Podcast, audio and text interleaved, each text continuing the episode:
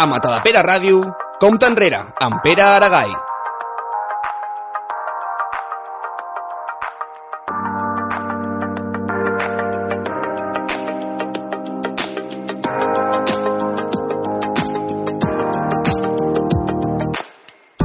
Avui al Compte Enrere volem conèixer un món habitualment criticat i pràcticament mai elogiat. Durant els següents minuts ens endinsarem al planeta dels àrbitres.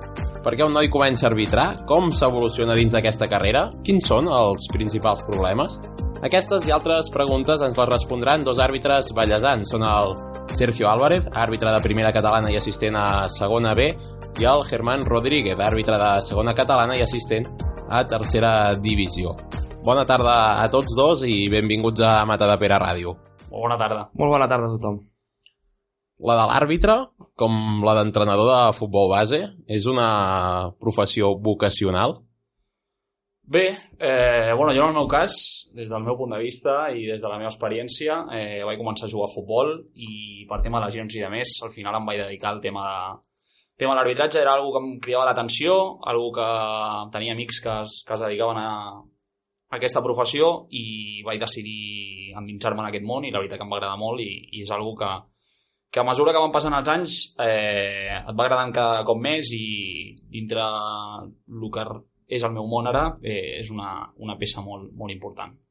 Germán? De manera similar al Sergio, jo també vaig començar jugant a futbol a un equip d'aquí de la ciutat i bé, per les circumstàncies, per un tema d'estudis i tal, eh, va arribar un punt en què vaig veure que no tenia futur com a jugador i volia seguir en el món del futbol i realment l'arbitratge era una que em cridava l'atenció, no sé si era vocacional o no, però vaig veure que era una bona oportunitat per provar i seguir dins del món, del món del futbol.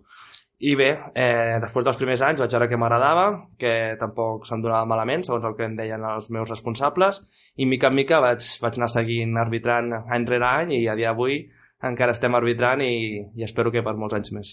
Ah, tots dos més o menys vau començar a la mateixa època, mateixa edat, al voltant dels 16 a 17 sí. anys. A... Quan, els dos, quan, bueno, Sergio, en el teu cas, sí que per les lesions de, sí.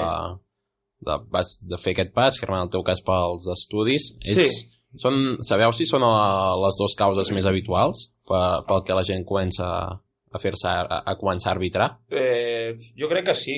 Eh, la gent avui en dia, eh, el món del futbol, ja sabem com està, és molt difícil fer carrera al món del futbol i algú que et permeti compaginar els teus estudis amb eh, la teva vida professional, jo considero que és el món de l'arbitratge. I en aquest cas, a tots aquells que ens encanta el futbol i de més, és una bona oportunitat per seguir lligat a aquest món. Mm. Sí, jo també penso com el Sergio, perquè, com bé diu, Eh, el tema d'entrenaments, per exemple, és una cosa molt important, que quan estàs en un equip de futbol doncs, tens uns horaris que has de complir i si no t'ho pots compaginar doncs, eh, és complicat que puguis seguir una trajectòria eh, ascendent a nivell futbolístic i en canvi al nivell arbitral tu t'ho pots eh, muntar a la teva manera, és a dir, hi ha uns entrenos programats a unes hores, però que si tu no pots anar-hi, doncs pots entrenar pel teu compte a les hores que tu et vagi bé. És a dir, a un àrbitre de, de futbol base de, o de futbol amateur teniu, teniu sessions d'entrenament. No és que només aneu a, sí. al cap de setmana als partits i ja està. Sí, la, per part de la federació tenim aquesta possibilitat que ens, ens ofereixen, un, en aquest cas dins el Vallès Occidental, eh, tenim dos grups d'entreno, una Terrassa i una altra Sabadell, i ens ofereixen aquesta oportunitat que tenim un preparador físic que tant dimarts com dijous a les pistes d'atletisme d'aquí de Can Jofresa tenim l'oportunitat de, de, bueno, d'assistir a aquestes eh, sessions d'entrenament i que t'ajuden a la preparació física de cara a les proves físiques i, els, i aguantar en un partit eh, amb les plenes garanties, per dir-ho així. A més a més, eh, aquests entrenaments es pengen a, a un grup que tenim d'àrbitres per tal de que aquells que per qüestions personals no puguin mm. assistir a l'entrenament doncs puguin seguir eh, l'entrenament pel seu compte a, a les hores que els hi vagi bé. Estem parlant només d'entrenaments de, físics? Eh, bueno, tant d'entrenaments físics són, en aquest cas ten, tenim classes teòriques eh, dilluns, dijous i divendres a la nostra seu en aquest cas que es troba al, al Col·legi mm. Tècnic d'Àrbitres de, de Sabadell. Més enllà de, de l'entrenament, us prepareu a... Com, com es prepara un àrbitre per, per un partit? Bueno, eh, jo parlo des del meu punt de vista, la meva categoria, suposo que cadascú té la seva manera de fer-ho. Eh, jo abans d'un partit sempre em preparo, eh, estudio en aquest cas els dos equips, tant a tema de sancions, tema de màxim golejador, jugadors que potser estiguin sancionats per aquella setmana. Eh, si puc, a primera catalana tenim la facilitat de que la federació ens ofereix eh, els resums dels partits de la setmana d'abans, eh, podem veure diferents jugades dels equips, eh, com juguen i de més, i la veritat que sí que és una gran ajuda eh, a l'hora de preparar-te un partit. També el tema del camp, les dimensions, com és el camp, si és més gran, és més petit, també condiciona molt el tipus de joc que pugui fer aquell equip. Eh, camp més petit eh, acostuma a ser partits on hi hagi més contacte, camp més gran acostuma a no haver-hi tant, i la veritat que sempre ens preparem els partits eh, a consciència, eh, més en aquest cas els partits de categoria. Partit de futbol base sí que et mires la classificació, més o menys eh, analitzes com van els equips i de més, però bueno, sí que, sí que tens una consciència i, i analitzes els partits amb que s'hi putin. Bé, a la meva categoria, segona catalana, potser no hi ha eh, la mateixa informació que pots rebre de primera catalana. Sí que és cert que hi ha un parell de portals que graven eh, partits eh, de manera aleatòria i que et pot servir d'ajuda en cas de que coincideixin els equips que tinguis que arbitrar. Però bé, sobretot el que és a la pàgina de la federació pots obtenir molta informació dels equips que tens que arbitrar a nivell, com diu el Sergio, de, de sancions, de golejadors, de dimensions del camp, de, la classificació, i tot això et dona una ajuda i una orientació de, de com estan els equips i de la dificultat que et pot tenir o no un partit.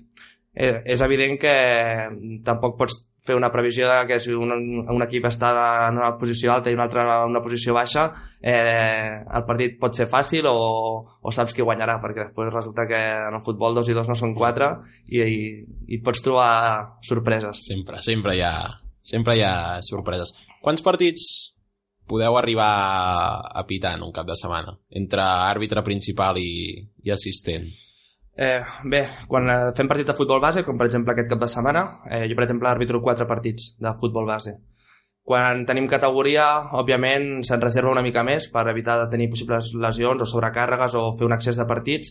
Llavors, normalment podem tenir un o dos partits el dissabte de futbol base i el diumenge tenim el partit de categoria. Perquè partits de categoria, per la quantitat d'àrbitres que som, eh, ens toca fer un cada tres setmanes, més o menys. Mm.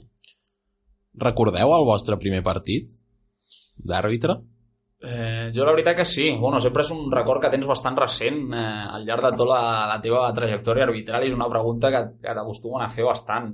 Jo, en el meu cas, va ser un bon aire eh, sector Montserratina, un Benjamí a futbol 11, una categoria que abans es jugava i que actualment no existeix, i la veritat que... Quasi diria que per sort, que no existeix. Gairebé, eh, perquè semblava una odissea allò d'arribar d'una porteria a l'altra, però bueno, la veritat que va ser un partit bastant disputat i me'n recordo que vaig tenir bastanta feina, allò de molts fores de joc i de més, inclús vaig arribar a expulsar un nano per doble targeta. Eh, avui a d'avui, no sé si l'hagués expulsat, la veritat, el, amb tota l'experiència que ja portem a sobre, però bueno, mira, la veritat que va ser un partit que, que sempre el recordaré i, i, la, i sempre tens aquell nerviosisme del primer cop que, que et poses a les botes, a, a samarreta d'arbitrar, agafes el xiulet i la veritat que tens una responsabilitat que avui en dia pues, sí que s'ha fet alguna més quotidià però, però que sempre tens aquell nerviosisme.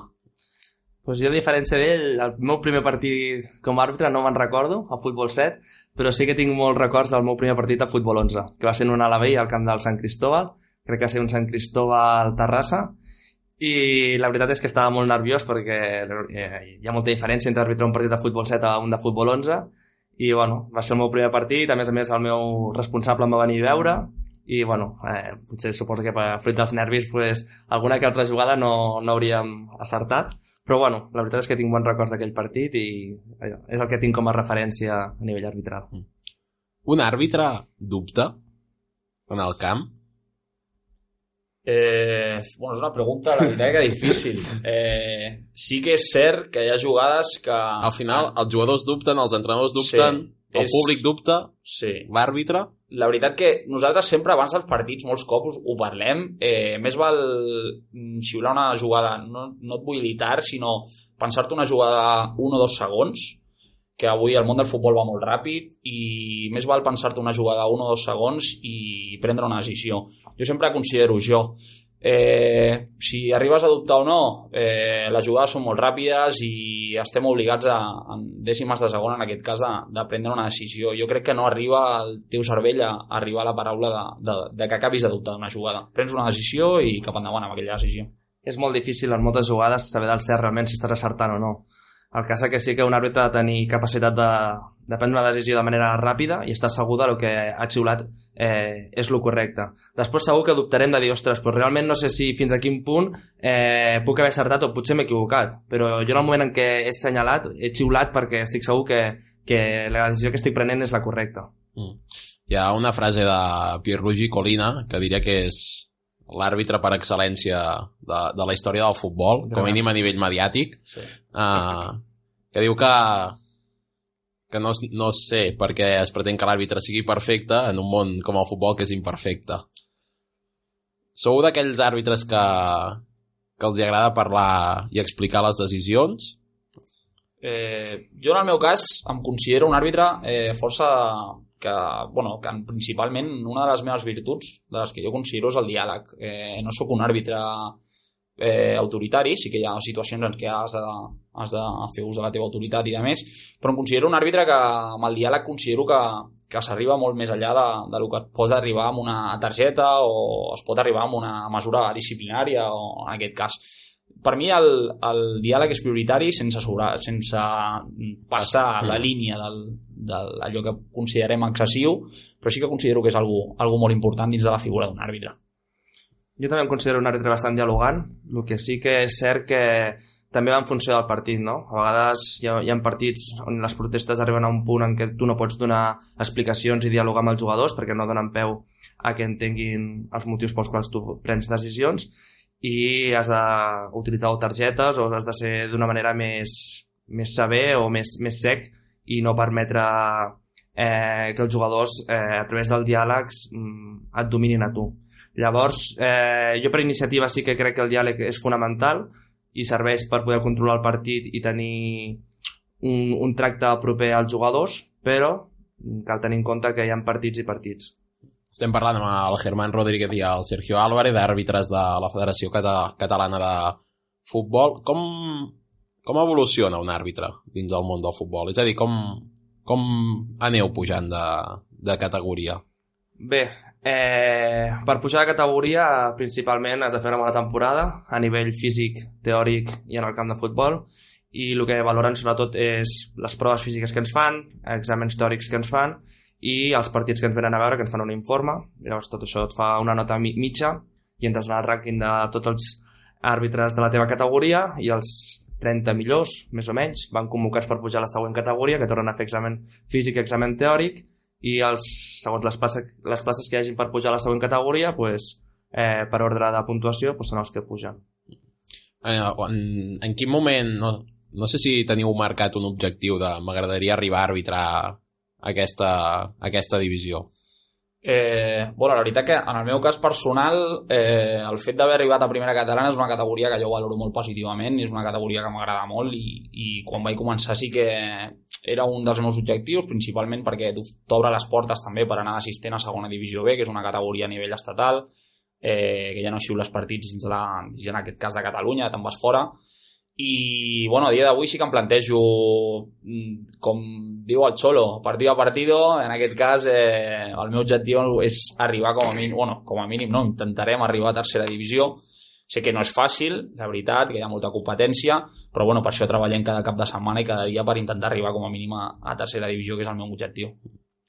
Jo a curt termini no em plantejo objectius. Eh, sí que m'agradaria pujar a categoria, evidentment, a primera catalana, seria un somni poder ser àrbitre assistent a segona B i anar en un camp que sigui fora de, de la regió de Catalunya, però és veritat que el món de l'arbitratge cada cop és més competitiu, cada cop són més àrbitres, cada cop costa més de pujar de categoria i sóc ambiciós, eh, jo no, mentre puguin les forces, la, les lesions ens ho permetin i físicament estiguem preparats i mentalment també, eh, no, no em plantejo un objectiu de dir fins aquí vull arribar. Ojalà poguéssim arribar a primera divisió, però és difícil, és difícil. Hi ha, també hi ha limitacions d'edat, oi? De, Sí. de, Sí. En el món de l'àrbitre per, per poder ascendir. Sí. Uh, Jo en aquest cas, el, el meu cas per pujar fins a tercera divisió em sembla que són els 29 anys eh, i en el cas del Germán no sé si són 20... 20, 28 per Sí. sí. pujar a primera catalana. Mm. Un cop, mm, no sé si per a, no, vosaltres encara no, perquè no us hi, no us hi heu trobat, però no sé si experiències d'altra gent de, o vosaltres com ho viuríeu, el fet de passat aquesta edat i no haver assolit aquesta categoria, us faria replantejar seguir arbitrant? Eh, jo en el meu cas considero que no, més que res perquè l'arbitratge eh, els caps de setmana és una manera de vida, per dir-ho així, i jo crec que si ho acabés deixant em faltaria alguns caps de setmana. Sí que és veritat que potser pues, eh, tenim companys que al llarg dels anys, ja quan han anat baixant de categoria o han hagut de retirar-se en aquest cas, bueno, retirar-se no, en aquest cas que s'hagin hagut d'apartar ja de la seva categoria per tema laborals o tema de lesions i de més, sí que redueixen el número de partits i sí que xiulen menys, però bueno, sí que continuen encara en actiu, que jo considero que és algo important i, i si mitja vida gairebé, com en el meu cas he estat vinculat a l'arbitratge, considero que és algo important i algú que, que necessitaria en el dia, en el dia a dia, en, en aquest cas en setmana rere setmana. És cert que el fet de poder pujar a categoria et genera una ambició et genera eh, ganes de, de, de superar-se, de tenir una motivació, de sacrificar-se, de, de fer moltes coses per tal de poder arribar a aquests objectius. En el moment en què per tema d'edat ja, no, ja estàs estancat a una categoria, sí que és cert que, bueno, jo no ho sé encara perquè encara no, no és que estigui estancat, però sí que és cert que potser la motivació no és la mateixa, no sé fins a quin punt et pot afectar o no. Mm. A mi m'agradaria continuar arbitrant eh, perquè m'agrada, visc, visc eh, molt content quan estic els caps de setmana arbitrant i jo vull continuar encara que no pugui tenir opcions a pujar de categoria però sí que és cert que companys que tenen ja per exemple 33, 35 anys que estan a una categoria que ja no poden pujar i només poden baixar doncs potser tenen altres prioritats com és la família, el treball i llavors doncs, potser viuen d'una altra manera i potser redueixen el, el número de partits i tenen altres prioritats abans que l'arbitratge que és com un complement potser. Avui aquí a, a Matadepera Ràdio, parlant amb dos àrbitres, m'agradaria intentar desmuntar alguns mites relacionats amb, amb el món de l'arbitratge. Un ja l'hem desmuntat a l'inici del programa, que és que els àrbitres no, no havien jugat a futbol. Els ja heu comentat que sí que havíeu jugat a, a diferents clubs i... Mm, un altre, crec que un altre dels mites que envolta la figura de l'àrbitre és que mm, es creu o té una aura de superioritat respecte a entrenadors i jugadors en, en els partits. Mm. Enteneu que hi hagi entrenadors de futbol base, sobretot, que, que es puguin sentir desprotegits davant, davant d'aquesta autoritat arbitral? Bueno, és que jo no li diria autoritat eh, arbitral. Jo crec que l'àrbitre és, és una figura que imparteix justícia tant per un equip com per un altre, que igual que jugadors i que entrenadors eh, ens podem equivocar i som conscients que som humans i ens equivoquem, però nosaltres no anem eh, amb males intencions, amb mala fe, fem la nostra feina, ho fem de la millor manera possible, hi haurà dies que sortirà millor, hi haurà dies que sortirà pitjor, i crec que no estem infravalorant a ningú. Crec que un entrenador que se sent perjudicat per un àrbitre ha de ser conscient que igual que ell s'equivoca fent una alineació en comptes d'una altra per guanyar un partit, nosaltres també ens podem equivocar a l'hora de xiular un fora de joc o no xiular-lo, entre altres coses perquè, per exemple, en categories de futbol base eh, la gran majoria va sense assistents i veure un fora de joc és algo complicat. Mm, jo crec que, que no. Sí, no, relacionant-lo amb això, eh, iguals que els entrenadors, o en aquest cas els jugadors, volen guanyar el partit, un àrbitre el que intenta és fer la seva feina el millor possible, en aquest cas reduir el número d'errades que tingui dins un partit. Per això considero que el nostre objectiu sempre és intentar passar desapercebuts, en aquest cas dins dels partits, eh, fer la nostra feina el millor possible i, i en aquest cas és l'objectiu prioritari que nosaltres tenim dins d'un partit. Els jugadors i els entrenadors se saben el reglament del futbol? Eh, En general? Així en general? línies generals jo considero que, que no. Avui en dia sí que s'ha millorat molt, eh, sobretot pel tema de que la federació eh, ha posat bueno, mesures per tal de que els entrenadors avui en dia siguin eh, entrenadors titulats i entrenadors formats dins del món del futbol i això sí que ha millorat molt el coneixement dins del, dins del reglament que tenen els, els entrenadors. Però bueno, que avui en dia et continues trobant jugades o, o gent que et continua demanant coses eh, Per, surrealistes per exemple, dir-ho que protestin fora de joc en un fora de banda. Correcte, t'anava a dir aquesta situació i la veritat que et trobes en, et trobes en una situació de, de dir, hòstia, em xoca molt aquesta, aquest fet, però bueno, eh, tothom, tothom podem millorar en aquest cas. Sí, és que és cert que, sobretot a categories de futbol base, hi ha molts entrenadors que els jugadors són, són més petits, potser és més normal que no sàpiguen tant de reglament, però sí que és cert que a nivell d'entrenadors, igual que a nivell d'àrbitres, eh, el reglament és algú que ens hem de saber tots i que hi ha protestes de coses que dius hòstia, això falta el coneixement, saps? Any rere any hi ha, hi ha canvis al reglament, hi ha novetats, hi ha coses que canvien, hi ha coses que tornen com eren abans, hi ha coses que són diferents, s'apliquen d'una manera o d'una altra, i a vegades, eh, hòstia, reps protestes d'entrenadors sobre fets que dius, ostres, és que sembla impossible que, que et puguin protestar això, saps? S'està perdent una mica la, la figura de, de l'àrbitre didàctic, m'explico. A... Quan jo era petit i jugava, jo recordo molts àrbitres, de, per exemple, gent sacant traient de banda malament, que anaven allà i li explicaven al nen, li explicaven no, s'ha de sacar així, li feien repetir, i això, bueno, amb el pas dels anys cada cop ho, ho veig menys, mm, creieu que s'està perdent aquesta figura una mica d'àrbitre que és capaç de, d'ensenyar? Bueno, o, jo... si o si s'ha pres una mica la decisió de dir això és responsabilitat dels entrenadors? Jo no vaig del tot així, almenys a nivell personal, jo per exemple, el que és per exemple futbol 7, en quan aquest exemple que has posat tu de, de fer d'ensenyar a sacar de banda, sobretot a nivell de prebenjamins, benjamins i alevins, jo quan s'equivoquen almenys sí que els ensenyo com han de sacar i intento que per la pròxima vegada ho facin bé.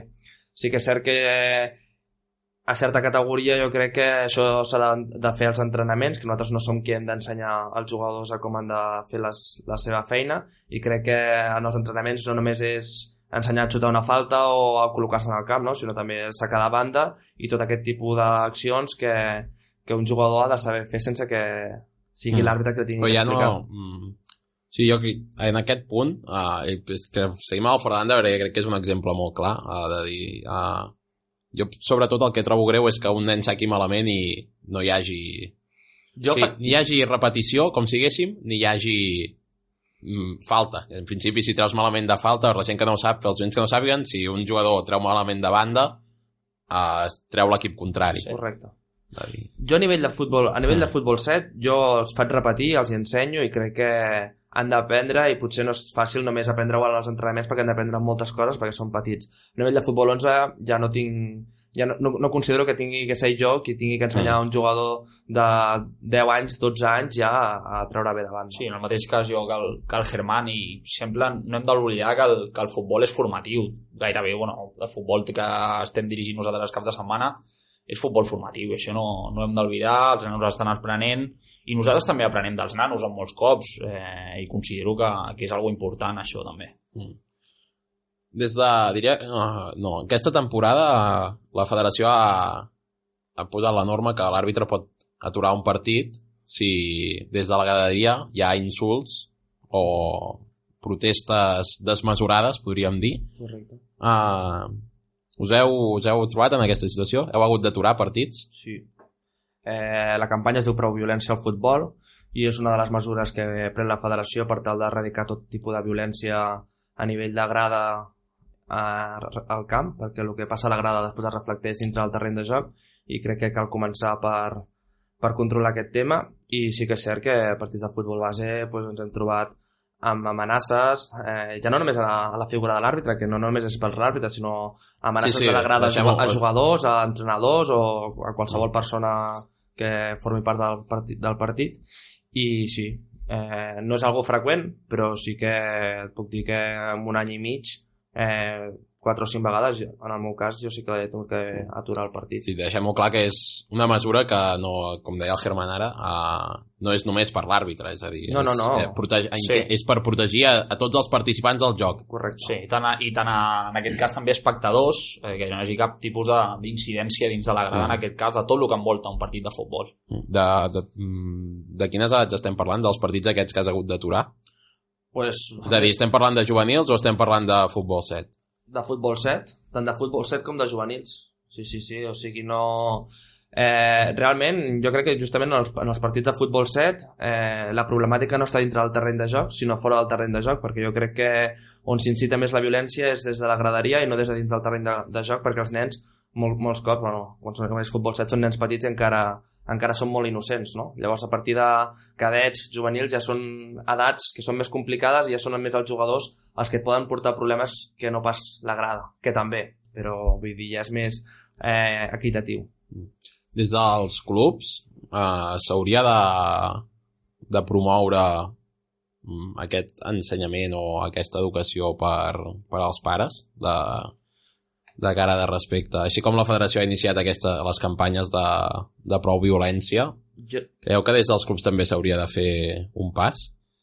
Eh, bueno, jo considero que amb aquesta, amb aquesta iniciativa que ha pres la, la federació, eh, tot pare o tot aficionat, en aquest cas que vagi a un partit de futbol, en el moment que vegi que l'àrbitre atura, atura en aquest cas el joc, jo crec que ja és un punt d'inflexió per dir eh, algú està passant malament aquí dins un partit de futbol. Jo considero que és una, és una manera de, de que tothom aprengui, de que tothom aprengui quina és l'actitud correcta que ha de seguir dins un camp de futbol, però sí que eh, dins en aquest cas a l'àmbit dels clubs sí que no en tinc coneixement de si hi ha mesures o si es fan reunions amb els pares per tal de parlar aquests temes. Eh, dins de la federació sí que ho tenim molt clar i és el que ens han inculcat dins d'aquesta campanya de que és un, és un fet per tal d'intentar educar en aquest cas o, o reconduir conductes en, dins del món del futbol que no siguin adients. eh, qualsevol aturada del partit per temes de violència o d'insults de la grada eh, in, bueno, implica una sanció econòmica pel, pel, pel club, el club dels quals els aficionats han tingut aquesta actitud fora de lloc.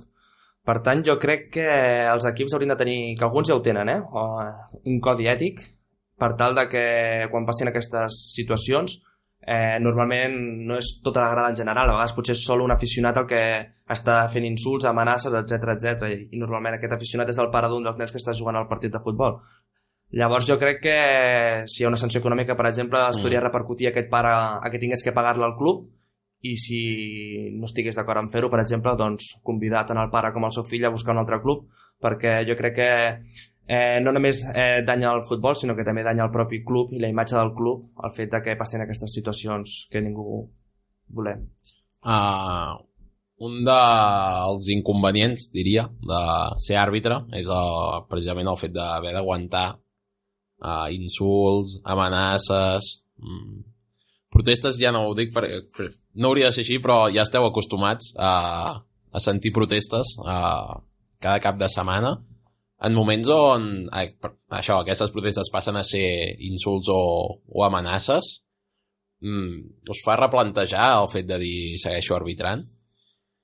Eh, bueno, jo en el meu cas, de manera personal, sí que a lo millor els insults i amenaces quan estàs en una edat més jove o quan vaig començar sí que les rebies d'una altra manera i hi havia moments en què a lo millor et plantejava si continuar això de l'arbitratge. Però bé, jo crec que és com tot, eh, a base d'experiència, a base de viure, viure diverses situacions, eh, és el que et fa crear-te una personalitat que considero que amb el món de l'arbitratge eh, madures molt com a persona perquè vulguis o no, bueno, en, bueno, en el meu cas com el del Germán, amb 15 o 16 anys estàvem eh, dirigint partits o partits de gent amateur, gent que era molt més gran que tu, havies de desplaçar-te als camps, t'havies de presentar un delegat, havies d'entrar a una instal·lació on ningú et coneixia i tu havies de dirigir un partit amb 22 persones, dirigint a 22 homes que eren molt més grans que tu en aquest cas. I, i bé, sí que considero que, eh, que és important això. Jo també ho trobo important, però no m'ho ha fet replantejar. Jo em considero una persona molt segura dintre del terreny de joc i intento concentrar-me al màxim amb el que és la meva feina.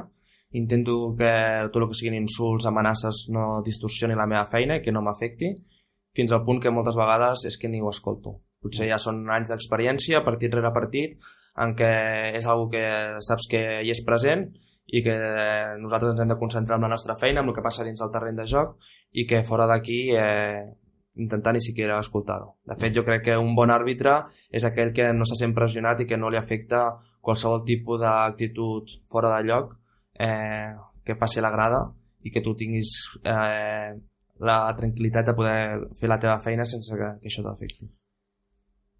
Per acabar l'entrevista amb el Sergio i el Germán, eh, àrbitres de la Federació Catalana de Futbol, parlarem una mica de la introducció de les noves tecnologies ja en el món del futbol professional i també alguns punts de, del reglament. Eh, com s'explica el fora de joc d'una manera senzilla? Te la dejo batir. Bueno, la veritat és que per explicar el fora de joc, una, un jugador està en posició de fora de joc quan, quan està dintre del camp contrari, més a prop eh, de la porteria i al penúltim defensor i rep una pilota per part d'un- d'un company. Uh, el fora de joc, el fet que en el futbol 7 sigui a l'àrea i després en el futbol 11 passi a ser de, del mig camp, us afavoreix o, o us perjudica? Jo crec que ni, ni favoreix ni perjudica. La veritat que bueno, va en relació amb les dimensions, en aquest cas el terreny de joc. Eh, penso que els nanos, doncs, quan passen a jugar a futbol 11, eh, una de les coses i que han d'aprendre i s'han d'acostumar en aquest cas és a jugar amb la línia del fora joc que existeix a partir de, del mig del camp. En aquest cas sí que és una, un canvi brusc, però bueno, sí que a nosaltres considero que no ens afecta. Sí que les dimensions són més grans, has de per tenir, bueno, per dir-ho així, el teu camp visual sí que és més gran a l'hora de, de mirar de sancionar en fora de joc, però bueno, considero que no és una, un aspecte que, condicioni. Sí, també crec que són, són dimensions de, diferents, futbol 7 que futbol 11, i crec que el reglament a aplicar és similar, però és diferent, i em sembla correcte de que, de que el fora de joc s'apliqui mig al camp en un cas i en l'altre a l'àrea, i no Mm. crec que afecti a la bona pràctica del futbol. A part del fora de joc, l'altre punt de controvèrsia són les mans, que ara està de moda, aquests dies està de moda parlar de, de les mans en el futbol. Té, creieu que té solució? És que el tema de les mans és complicat, primera perquè cada any el reglament... En, A part això, cada any en, ho canvia. En, en funció de les mans, eh, o sigui... En funció de les mans que hi ha hagut Sí. durant la temporada, Sí, sí, bueno, a vegades també a partir de jugades que han avaluat i tal, doncs el reglament sobre les mans any rere any canvia. Llavors, què passa? Que, que com, com han comentat abans, entrenadors que no s'han actualitzat doncs, pensen que les mans són com eren fa dos anys i són totalment diferents, no?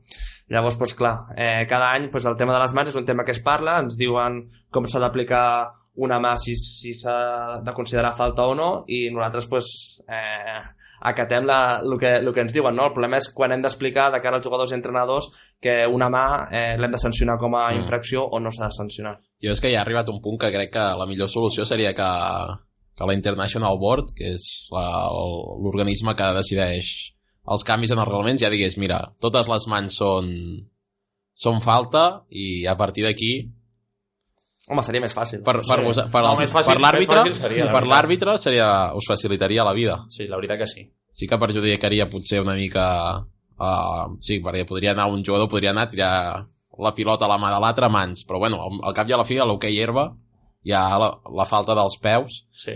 que acaba sent bastant bastant similar en aquest sentit Sí, sí, perquè és bastant subjectiu, sobretot quan es tracta de considerar de si és la mà que va a la pilota o la pilota que va a la mà, no? Llavors, doncs clar, eh, tu ho expliques i diran no, no, però si, ha sigut la mà que ha anat a la pilota i l'altre dirà no, no, si la pilota ha anat a la mà. Llavors, vulguis o no, sempre generarà controvèrsia entre què és realment el que ha passat, no? Llavors, doncs, bueno, mm. està al criteri de l'àrbitre decidir com, com ha sigut la jugada, vaja. A principis d'aquest 2017, l'exfutbolista holandès Marco Van Basten va, se li va il·luminar uh, el cap i va treure una sèrie de propostes per canviar en, en el futbol. Per exemple, treure-ho fora de joc directament, uh, penalitzacions de temps en lloc de targetes grogues, com passa al rugby, és a dir, un jugador pot, pogués estar fora 10 minuts, 5 minuts, uh, que només el capità pogués protestar, que això, bueno, suposo que per vosaltres seria un, un somni. sí. Uh, canviaríeu alguna regla de, del futbol? Eh, és una, una pregunta, la veritat, que És difícil. complicada. Home, jo, per exemple, això que has comentat últim, eh, conec una persona que és entrenadora de rugby i em va explicar que la figura de l'àrbitre en aquest esport és molt més respectada Sí, sí. que la del futbol normal. És a dir, cap jugador pot dirigir-se a l'àrbitre sota cap concepte, només ho pot fer el capità, i el capità ho pot fer només eh, demanant permís a l'àrbitre per comentar-li una jugada o fer eh, un, Una no sé, observació. una observació sobre qualsevol jugada. Jo crec que això seria genial, no? Vull dir, arriba un punt en què mm, fos el capità qui es pogués dirigir a nosaltres i de manera cordial ens pogués demanar una, bueno, doncs un aclariment d'una jugada o una sanció que haguem senyalat seria molt positiu en el sentit de que no estaríem constantment doncs, si xiules un penal que tinguis 30 jugadors a sobre protestant o, o, o no xiules un fora de joc o anules un gol que vulguis o no, sempre l'equip que es considera perjudicat eh, se't llença a sobre i, i a vegades és que ni les targetes són suficients per poder-los controlar. Abans, uh, durant l'entrevista ha sortit el tema de que en, en futbol base, a, en la majoria de divisions i categories del futbol base no hi ha àrbitres assistents. Uh, seria bo que els clubs i la federació fessin un esforç econòmic per, per introduir la figura de l'àrbitre assistent en més categories? Sí que, bueno, en aquest cas seria de gran ajuda pel, pel en aquest cas l'àrbitre principal però bueno, eh, també som coneixedors de que és una despesa econòmica perquè s'ha de fer front als drets arbitrals en aquest cas de dues persones més, no únicament de l'àrbitre. I a lo millor sí que hi, ha, hi hauria categories que, que sí que s'introduiria aquesta figura del, dels àrbitres assistents. Antic, bueno, antigament a la infantil divisió d'honor sí que es duien a terme els partits era un trio arbitral en aquest cas els que els dirigia, avui en dia únicament és la figura d'un àrbitre no sé quins són els criteris per, per dir que siguin tres els àrbitres o un en aquest cas, però bueno, suposo que tot això estarà estudiat i hi haurà uns fonaments darrere. Mm. Està clar que tres àrbitres veuen millor que un, no? I la cooperació entre tres àrbitres ajuda més a, a acertar de totes les jugades polèmiques que podrien haver durant un partit. Jo crec que a nivell de futbol 7 el joc acostuma a ser més lent i perquè són nens més petits, eh, tenen menys força i jo crec que a nivell de futbol 7 potser no veuria tan adient la necessitat de tres, tres àrbitres perquè crec que amb un àrbitre principal és suficient per poder acertar la majoria de jugades, per no dir la totalitat.